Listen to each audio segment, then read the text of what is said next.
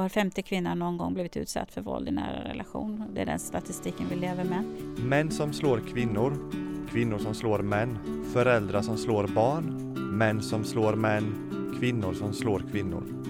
Du lyssnar på Nära dig, en podd som ges ut av kommunikationsavdelningen på Region Jönköpings län.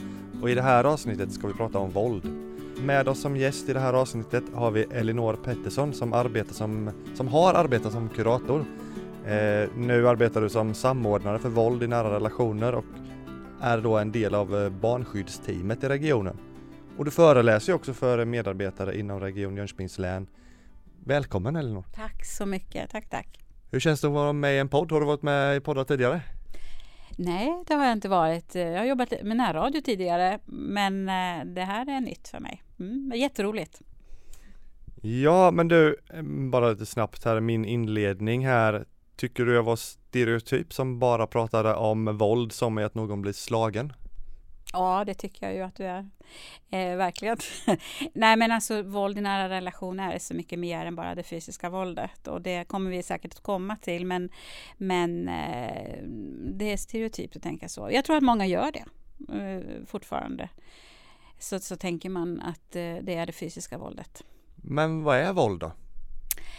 Ja, våld är som jag sa så mycket mer, så mycket bredare. Våld, om vi just idag Just den här podden ska det handla om våld i nära relation. Våld finns ju så mycket mer eh, i vårt samhälle och i vår värld. Det möter vi varenda dag på nyheterna. Eh, men om man ska prata om våld i nära relation så finns det ju definitioner på det. Vad, vad, vad menar vi? Eh, och då tänker jag så här att våld är egentligen alla handlingar som riktar sig mot en person Eh, och som ehm, skrämmer eller eh, gör ont eller skadar på något sätt och, ehm, och, och är kränkande. Och det gör ju att den här personen kanske gör något mot sin vilja. Eller att de avstår från att göra saker som de egentligen skulle vilja. Så det är det så vi definierar våld i nära relation. Och så finns det det vi brukar kalla för våldets uttryck. Alltså, och där ingår det fysiska våldet, precis som vi redan har varit inne på. Men det finns också andra delar i det. Vill du att jag ska utveckla dem? Det vill jag väldigt gärna att du gör. Ja, men precis, då gör vi så. Ja, men vi pratar om det fysiska våldet och det psykiska våldet och det sexuella våldet. Och det är de tre som vi kanske nämner mest, som vi, vi kan känna att vi, vi vet ungefär vad det handlar om för någonting. Men så finns det också det som heter materiellt våld, ekonomiskt våld, eh, latent våld och också omsorgssvikt. Alltså eh, det, tidigare sa man mer försummelse, vanvård och så. Men som kan förekomma när man är beroende av en annan person i till exempel sin dagliga livsföring. Där det kan uppstå ett utövande av vanvård eller omsorgssvikt. Eh, det är de vi brukar använda oss av. Sen kan man prata om digitalt våld eh, och andra typer. Alltså idag är det ju jättevanligt med att man blir utsatt över nätet eh, kränkt på många olika sätt. Och det blir ju mer och mer att man pratar om det. Mm. Men min första, så här, vad, vad är materiellt våld? Mm. Materiellt är ju, man brukar säga att det är någonting som går ut över döda ting, fast egentligen så skadar det ju mig. Alltså det skulle kunna vara en, en ägodel som jag har som är väldigt kär för mig och så vet eh, våldsutövaren att det här är, det är så, det här är en väldigt viktig sak för mig. Och så händer det någonting med det. Det skulle kunna vara en, en, eh, ett smycke eller det skulle kunna vara vad som helst som är materiellt. Det skulle också kunna vara så att jag har ett funktionshinder som gör att jag har behov av en rollator eller en dator eller någonting liknande för att jag ska kunna överhuvudtaget fungera i vardagen. Eh, och så plötsligt så försvinner det, går sönder eller händer någonting som så gör att man inte kan använda det. Och det är också ett sätt att manipulera och ha kontroll över en annan människa när man eh, tar ifrån dem den möjligheten. Eh, du har ju tidigare arbetat som kurator och nu arbetar du som eh, samordnare för våld i nära relation och du är ute och föreläser för medarbetare inom eh, Region Jönköpings län. Eh, hur, hur, länge har du arbetat med den här typen av, av arbeten och med patienter? Eh, som kurator så har jag jobbat sedan eh, slutet av 80-talet kan man säga. Så jobbat eh, inom främst kirurgi, urologi. Men även andra områden som jag har jobbat inom då. Och eh, jag brukar säga så här när vi pratar våld i nära relation så eh, om vi bara pratar om vår region så jobbar vi med det inom många verksamheter. Men våldsutsatta, våldsutövare och barn som bevittnar eller har varit med om våld finns i alla verksamheter. Det finns precis överallt. Och, eh, eh, så därför har jag ju mött detta när jag jobbar kliniskt också såklart. Det eh, har alltid varit en fråga som har intresserat mig. Eh, tyckte har varit viktigt. Det är människor som ofta är väldigt osynliga. Därför att frågan är i stora drag väldigt osynlig. Det är inget man pratar om. Det är väldigt mycket skam och skuld. Eh, och eh, det, eh, man brukar säga att eh, det säkraste tecknet på våld är inga tecken alls. Så det är en dold, en, ett dolt problem.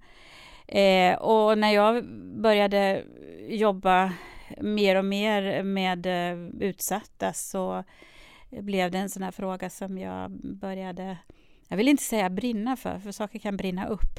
Men jag blev väldigt engagerad och tyckte att det var en viktig fråga. Och då började jag utbilda mig när det gäller våld i nära relation. Så att eh, det, och sen fick jag möjligheten att eh, lämna mitt kliniska arbete Eh, för ja, 2017 var det och gå in i regionens arbete med utbildning. Och då hade jag det uppdraget och har fortfarande det uppdraget. Men eh, sen har det blivit breddat så jag jobbar också mer med utveckling och, och de strategiska frågorna när det gäller våld i nära relation. Vilket är jätteintressant. Men just så här som du säger, det här är ju som utsatt och det här är ju ingenting man pratar vitt och brett om och så här men hur eller vad känner du? Är det, är det någonting som har förändrats? Har folk blivit bättre på att prata om det här i samhället eller är det fortfarande likadant att det här lägger vi locket på? Eh, om vi säger så här att när jag är ute och föreläser idag så är det aldrig någon som säger att frågan är oviktig. Eller att det inte är intressant. Eller att det är eh, det här behöver vi inte prata om. Det är aldrig någon som säger idag. Det är väldigt många tycker att det här är jätteviktigt. Eh, tidigare, om man, om man tittar tillbaka kanske 20-25 år sedan, så kunde man ju möta lite mer fördomsfulla kommentarer omkring det hela. Um, och, och, det tycker jag inte egentligen att jag i alla fall erfar att man möter så mycket idag. Så vi lyfter ju så, eller alltså det är ju lyft mycket mer i media också. Eh, inte minst under pandemin så har det ju blivit lyft eh, i och med att pandemin medförde isolering för många. Och är det någon grupp som redan är isolerade så är det våldsutsatta i stora drag. Så att det, det, mm, och, och pandemin medförde att man jobbar hemifrån, man kanske blev permitterad från sitt arbete och, och var mer hemma och så vidare. Så att det vet vi har blivit en, en ökning av hjälpsökande eh, under den perioden. Ett av dina stora uppdrag då, det är att utbilda personalen. Hur går en sån utbildning till? Då är det du som söker upp personal eller är det personal som kommer till dig eller hur fungerar det? Mm. Det kan se lite olika ut. Eh, jag kan ju söka upp, jag kan, eh, eh vad ska jag säga, eh, kontakta Eh, Eh, det kan vara medarbetare som jag säger så här, du kan ta med dig den här frågan till din chef och så gör man det och sen så återkopplas det och så vidare. Eller det kan vara att eh, jag får hjälp av någon i min eh, organisation, en av mina chefer är jätteaktiv och hjälper mig att ta kontakt. För det är så här att man har ju ett visst antal människor som man har. Alltså man, ens nätverk ser ju olika ut. Och jag har inte samma nätverk som eh, andra kanske har och då kan man hjälpas åt att sprida det. Eh, just nu är det väldigt mycket eh, fokus på den somatiska vården skulle jag säga har det varit nu ett tag. Och det är jätteroligt för att det är eh, alltså en fråga som kanske är lite, jag vet inte vad det är en tanke om att det kan vara lite eftersatt kanske. Eh, svårt att säga, men, men eh, jag tänker att det är viktigt att och det handlar ju inte om djupa kunskaper, det handlar om baskunskaper som jag utbildar i. Mm. Sen eh, finns det fördjupningsmöjligheter också, men, men det som är det, det viktiga är ju att lära sig att ställa frågan. Att upptäcka och lära sig ställa frågan om våld till eh, människor som man har runt omkring sig. Mm. Men hur, hur lär man sig det då? Hur ska man som personal tänka? Mm. Eh, jag brukar ibland, eller ofta säga i mina utbildningar att personal som jobbar dagligen med andra människor, de får en känsla för när någonting inte stämmer. Det kan vara en känsla i maggropen, det kan vara en tanke om att det här stämmer inte. Eh, man, man ser och plockar in saker och ting som man ser omkring en viss person. Till exempel, eh, som jag sa tidigare, det, det bästa tecken på våld är inte inga tecken alls, eller de flesta tecken på våld är inga tecken alls. Eh, det syns inte, men man kanske kommer in på en, en, eh, en eh, akutmottagning med eh, ont i magen eller andra, man söker sin vårdcentral för att man har ont i huvudet mycket, man kanske söker väldigt ofta. Eller att man upptäcker att det här är en person som inte söker vård överhuvudtaget. Man kanske kommer in och har många men av, av olika sätt Eh, och så uppdagas det då. Men, men, men, när man plockar ihop de här sakerna, det är lite som ett pusselarbete, att eh, då tänka det här är något som inte stämmer. Och då måste vi lära oss att ställa frågan. Det är inte så att det alltid handlar om våld, men det kan vara andra saker som gör att man mår dåligt. Och vi måste bli bättre på det. Att fråga till exempel, hur har du det hemma? Eller hur har du det i din relation? Eller eh, har du mycket omkring dig? Känner du dig stressad? Är du rädd för någon? Sådana här frågor. Jag brukar också lyfta när jag är ute och, och eh, föreläser och det får jag oftast väldigt mycket nickar till, mot, eller för. Så att ni ställer ju redan jättemycket frågor som skulle kunna vara lite känsliga. Och många nickar väldigt, precis som du gör nu. Man nickar eh, och säger ja, det gör vi ju redan. Men det här är svårt. Eh, men jag tror också att det finns jättemånga som är väldigt duktiga på detta. Så jag vill inte säga att vi är dåliga. Jag tycker att vi kan bli bättre. Men eh, jag tror att det görs ett fantastiskt jobb ute i verksamheterna redan. Eh, och det handlar ju om att, att eh, lägga ihop ett och ett och få det till någonting. Alltså, och, och vad är det värsta som kan hända? Om du frågar någon. Ja, du kanske får ett nej. Eh, och då kan man göra en föreställning om att få ett nej kan ju vara jobbigt eller personen kan bli ledsen eller kränkt eller arg eller vad, vad det kan vara för någonting. Men oftast handlar det inte om det. Utan eh, man tar ofta väldigt bra. Eh, och många säger vad bra att du frågar. Och så vet vi också att om du ställer frågan om våldsutsatthet till en person så får du inte det rätta svaret eller det jakande svaret första gången. Kanske inte andra, tredje, fjärde gången heller utan det, det är en process för den här personen att, att komma fram till att nu måste jag få hjälp. Och då kanske det, och då, då får vi se oss själva som en del i processen. Jag ställde frågan, det kanske den här personen på något vis lägger inom sig att här var det någon som såg. Och när man har ställt den här frågan och kanske då fått svaret att man är utsatt för våld, hur går man vidare då inom sjukvården? Mm. Ja, eh, det kan finnas, det kan finnas ska jag säga, en föreställning om att man måste göra jättemycket saker. Att man måste dra igång ett stort arbete för att hjälpa den här personen. Eh, och eh, många gånger så handlar det inte om det. Utan det, det kan det göra också, men det handlar ofta om att man till exempel, jag brukar säga så här, om man, om man har en person som som säger att ja, men så här är det, den här situationen befinner jag mig i. Jag, jag Eh, har en väldigt trängd situation hemma och så vidare. Då brukar jag tänka så här, ja men vad vill du att vi gör? Vad, vad, skulle du vilja att vi gör nu? Jag finns här, jag hjälper dig. Eh, och många gånger så handlar det kanske om att bara få en återbesökstid eller, eller att man får en kontaktperson eller någonting sånt. Eller en del vill kanske kont ha kontakt med socialtjänsten eller kvinnojouren eller liknande. Men många gånger så, så behöver det inte vara så. Utan det gäller att vara lite känslig för vad personen vill och inte tro att vi ska dra igång jättemycket, utan det är också en process eh, att göra det. Sen är det ju också det här att få ett nej kan ju också vara jättejobbigt. Även om du sitter med en person och du är helt övertygad. Eller att det är helt uppenbart. Man vet att den här personen har kommit in för att ha blivit skadad på ett eller annat sätt. Men, men säger fortfarande nej, jag vill inte ha någon hjälp. Jag vill inte gå vidare med det. Jag vill inte polisanmäla eh, då behöver jag ju ta det. Då måste jag ju få kunna ta det. Kanske lämna ett visitkort till Kvinnofridslinjen eller, eller liknande. Eh, eh eller till eh, ATV, Alternativ till våld, som vi har i vår region. Eh, så att man ändå vet att den här personen kan ta en kontakt om det, om det behövs, om, om personen ändrar sig. Så det kan vara utmanande, både att få ett ja eller ett nej. Mm eh, hur, hur, pratar ni med patienten? Alltså jag tänker att eh, det enklaste som finns att säga är att du måste lämna honom eller henne. Men jag förstår ju också att det inte är så enkelt. Eller hur, hur fungerar det just med att säga en sån sak? Mm. Att säga att man, du får lov att lämna? Eller är det så? Ja, men det var lite så jag tänkte. Mm. Eller jag Mm. reflekterade över det egentligen bara liksom så här. Hur, hur, hur jobbar man där liksom? Mm.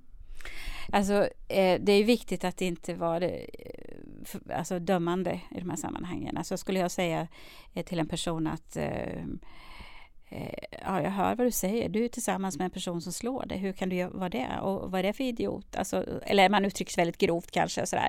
Ja, då är risken stor att den här personen eh, lämnar liksom, och, och säger att det vill jag inte ha något med att göra för att du är så dömande och så vidare.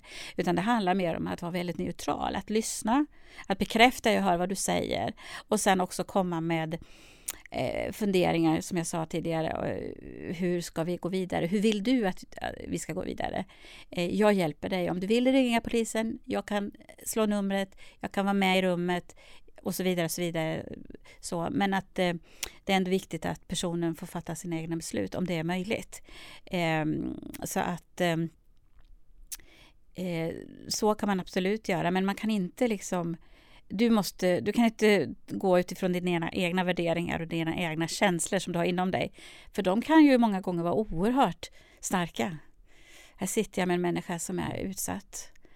Hur är detta möjligt? Alltså det, det är väldigt mycket tankar som kan snurra runt i ditt eget huvud. Men det får du lov att hålla det för dig själv. Helt enkelt. Och det är en utmaning också. Jag tänkte ju säga det, hur, hur lätt är det i en sån här situation att hålla sig neutral? Ja, det kan ju vara svårt. Men, men samtidigt så lär man sig det. Alltså det, det är ju, jobbar man med... um, Nu har jag jobbat som kurator i många år så att där har man ju en kunskap med samtal som är gedigen. Eh, och våra behandlare är ju också väldigt välrustade eh, människor som jobbar både med utövare och utsatta. Jag tänker ATV, det kan vara psykiatrin eller andra verksamheter i vårt område som, som jobbar jättemycket med våldsutsatta. De har ju en, en eh, kunskap i att hantera sådana här saker också. Men det är viktigt då att man också till exempel har handledning eller att man får möjlighet att prata med någon annan så man får utlopp för vad, vad det var man kände. För att vissa saker kan ju vara oerhört eh, påfrestande. Men, men i stunden så gäller det bara att hålla sig liksom, eh, lugn och, och så. Men det kan vara viktigt att få reflektera med någon annan kanske sen efteråt. Eh, just nu, alltså vecka 47 när den här podden eh, släpps så pågår en vecka fri från våld. Mm. Kan du berätta om den? Mm, det kan jag. Och jag skulle vilja säga att vecka fri från våld, det skulle vi ha alla veckor om året ska vara fria från våld, men det är vi ju inte. Så det här är en vecka som, det är en aktivitetsvecka som sker över hela landet, eh, där vi lyfter upp eh, eh, våld i nära relationer, mäns våld mot kvinnor i, eh, i engagemang och kunskap, att vi vill synliggöra ännu mera vad det här handlar om för någonting Eh, att eh, demonstrera, att visa att vi står upp mot våldet. Det här accepterar vi inte. Under samma vecka så pågår ju också det som vi kallar för The Orange Week. Eh, det är ju FN som har instiftat en speciell dag. Numera är det mer än en dag, men med just den 25 november så är det The Orange Day, då vi verkligen manifesterar. Och den orangea färgen är central när det gäller just FN och deras kamp mot detta. Så då brukar säga, då klär vi oss i orange och så eh, använder vi oss av olika medel för att tala om att vi, vi, vi står upp mot våldet. Vi, vi accepterar inte detta. Eh, och det kan vara förra året så, och flera år i, i, bakåt så har vi belyst olika byggnader i, i, här i Jönköping men också i andra städer i vårt land eh, med orange spotlights. Så. Det kommer vi inte att göra i år därför att det är som sagt var eh, elbrist. Mm. Ja. Så vi kommer att använda oss av flaggor istället. Och det kommer ni kunna se lite runt om i vår region förhoppningsvis. Eh, och sen så skulle det kunna vara så att man har, vi kommer också ha föreläsningar. Det kommer att vara mycket via webben, men vi också, kommer också ha en föreläsning. Ja, en, vi, vi, har en föreläsning den, den 21 där med Kerstin Weigel som kommer att prata om de gömda kvinnorna och presentera en rapport tillsammans med en, en kvinna som jag inte kommer ihåg vad hon heter nu. Det kanske jag inte ska säga, men så är det. Jag kommer inte ihåg det. eh, och eh, Eh, där kommer också vi från ATV kommer att stå där och mm, ha lite sprida lite information om vår verksamhet på ATV och, och eh, annan verksamhet, Kvinnofridslinjen och med mera, med mera. Eh, och så det kommer att vara aktiviteter i hela länet och då är det inte bara regionen utan då är det liksom många verksamheter. Det är kommunerna och det är civilsamhället och idrottsföreningar och så vidare som kommer att tala om att det här är någonting vi står, står emot. Eh, men om vi var, Varför är en sån här vecka viktig? Skulle du säga om du får peka på kanske tre punkter eller något sånt där. Liksom så. Eh, var, varför behövs den här veckan? Ja, eh, som jag sa, jag skulle vilja att det var lika viktigt varenda vecka, att vi lyfter det här varenda vecka. Men det är ju ett sätt att tala om att, att vi, vi verkligen går samman. Samverkan är viktigt i de här sammanhangen. Vi har ju jobbat i länet nu under hela, i stort sett hela våren och också nu i höst eh, med olika sammankomster där vi, vi pratar just om vecka 47. Hur kan vi göra det här ihop? Och så, och, och tala om att vi, vi jobbar med frågan, det är jätteviktigt. Eh, sen om vi bara går in i vår verksamhet som är regionen så, så har jag kan ju se att över åren här nu så har det ju blivit mer och mer engagemang under vecka 47. Eh, jag menar när jag började med detta så var det liksom inte så mycket alls egentligen utan vi kanske hade någon, vi lyfte någonting någonstans men det, men det var väldigt lite och sen har det blivit mer och mer. Det föder engagemang och det föder engagemang hos människor som kanske vill jobba vidare med frågan. Det är viktigt. Tyvärr så är det så här med många sådana här eh, frågor som handlar om utsatthet och, och, och, mm, barn som far illa eller det kan vara just de här sammanhangen med våld i en relation. Att det bygger på människor som brinner för det. Jag har redan nämnt det. Och vi vill ju ha människor som såklart är engagerade och tycker att det här är viktigt. Eh, men att det ska sprida sig så att inte de här människorna som brinner för frågan så småningom antingen brinner upp eller så slutar de av andra skäl. Alltså det, det är ju, man kan göra hur mycket som helst mm. i den här frågan. Och därför så vill vi ju, den här veckan är ju ett sätt att också föda engagemang eh, i eh, våra verksamheter och att det ska lyftas eh, på de olika arbetsplatserna och, och, så. Det var två saker, nu har jag kommit inte på någon tredje, men, men kanske Ja, du, du, förstår att jag tycker att det är viktigt. Ja, det, det, förstår jag verkligen och jag tycker de där två punkterna räcker eh, gott och väl och du var inne på någonting lite snabbt här som gjorde att jag nog eh, Nu kanske det blir lite, lite spretigt här men i alla fall om man pratar om personer som har blivit utsatta och om förövare. Eh, hur ska man tänka? Vad ska man göra som kanske anhörig till någon av de här två parterna? Mm. Eh, ja, det, det, många närstående känner sig väldigt maktlösa. Därför att det är ehm, för många så blir det en tendens att man avskärmar sig från sina närstående för att det är för jobbigt. Det får för stora konsekvenser att hävda att man vill träffas, man vill umgås och så vidare. Och den som utövar våldet kanske har en väldig makt över en just i de sammanhangen. Och det gör att man kanske eh, låter bli att träffa sin familj och så vidare. Så, som närstående så kan det vara oerhört jobbigt man kan se att det är någonting som pågår. Det här är inte sunt, det är någonting som är fel. Men man känner att man kommer ingen vart.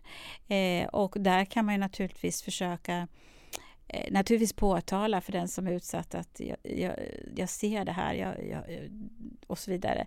Att man ändå finns där.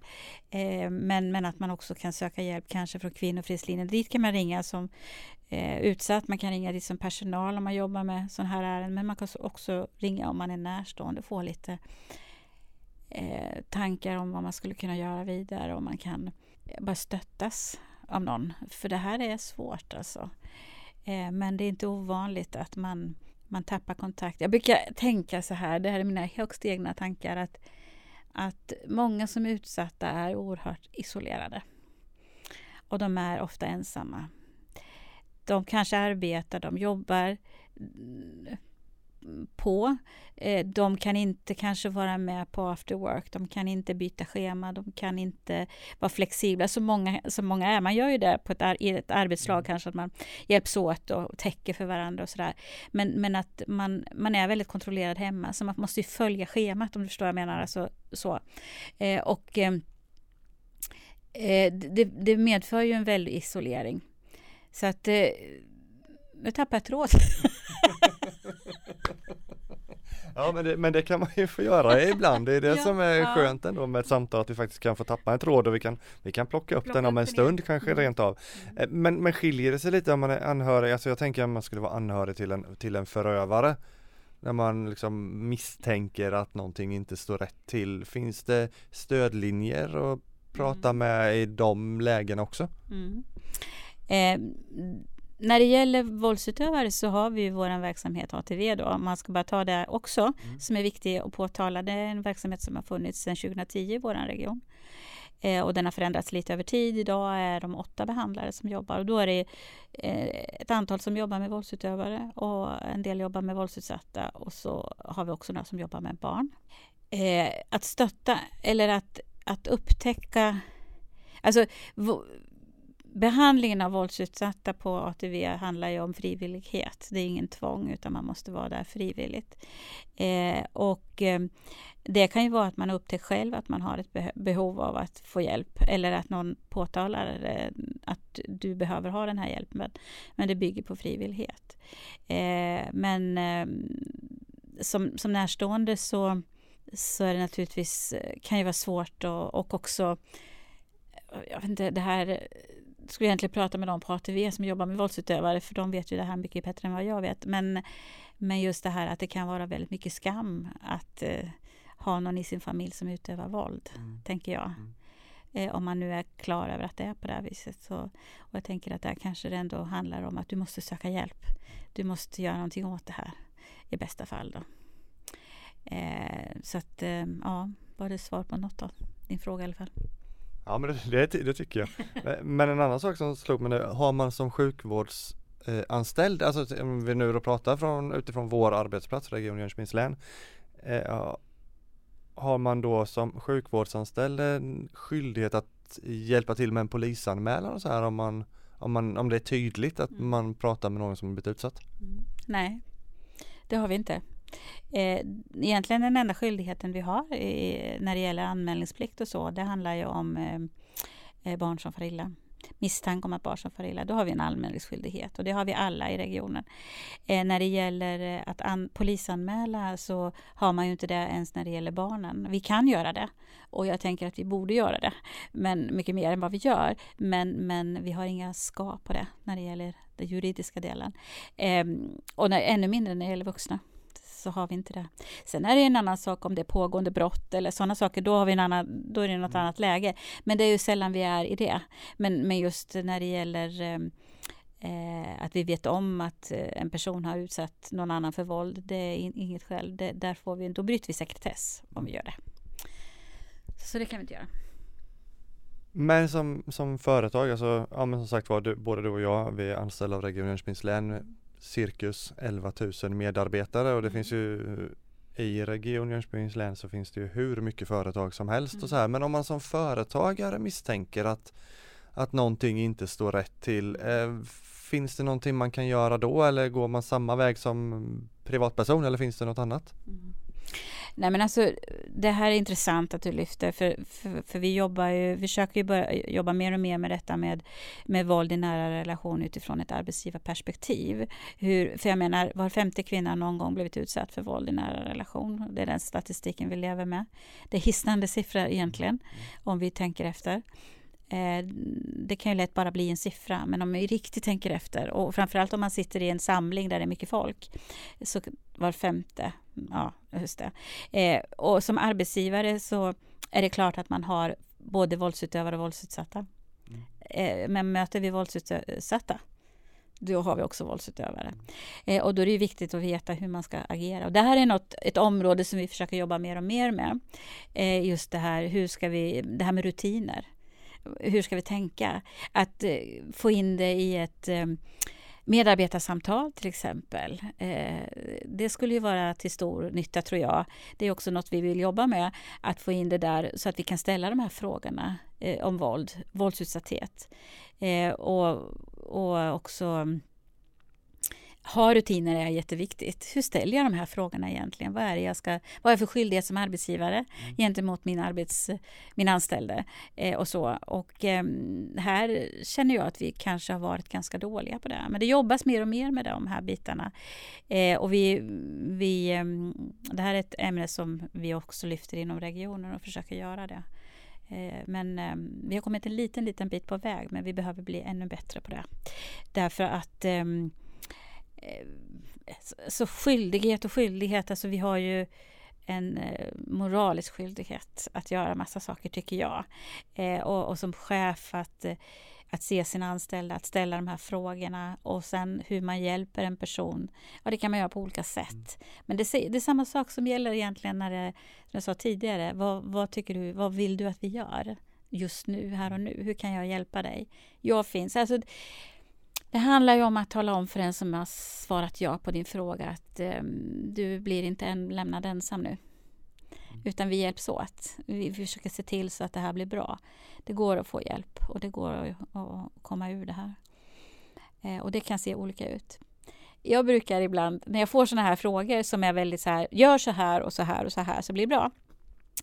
Tänk om jag hade en mall som jag kunde lägga över allt sånt här, eller någon annan vi lägger den här mallen över så ska du se att det blir bra. Om alla gör likadant. Och så funkar det ju inte. Det vet vi ju. Det är väldigt mycket som kommer att spreta utanför den här mallen. Och det är väldigt mycket bedömningar det handlar om. Vad kan jag göra för dig just när, nu, här, här och nu? Och vad vill du att vi gör? Det är viktigt. Så jag skulle vilja uppmana eh, arbetsgivare och, och arbets, eh, alltså chefer på olika nivåer att se till att ni har rutiner för detta. Och ha med det i dina frågor. Eh, våga ställa de här frågorna. Vi gör, som jag sa, väldigt mycket andra konstiga frågor. Eller konstiga, men, men, men inte konstiga frågor, det var fel ord, men alltså eh, känsliga frågor kanske. Så kan jag säga. Att, eh, som vi frågar om då. Mm. Spännande, men hörru du Elinor, eh, nu nu har jag tagit nog av din tid. Tack så jättemycket för att du eh, ville ställa upp och vara med här och gästa podden Nära dig. Tack så mycket för att jag fick komma och alla som lyssnar på detta vet att vecka 47 är viktig. Ja. Så är det absolut. Tack så jättemycket. Tack. Är du utsatt för våld eller känner du någon som är utsatt för våld eller som du misstänker är utsatt? Kontakta mottagningen för våldsutsatta, kvinno och tjejjouren ungdomsmottagningen eller din vårdcentral. Är det en akut situation, ring 112 och åk till din akutmottagning för att få skador dokumenterade.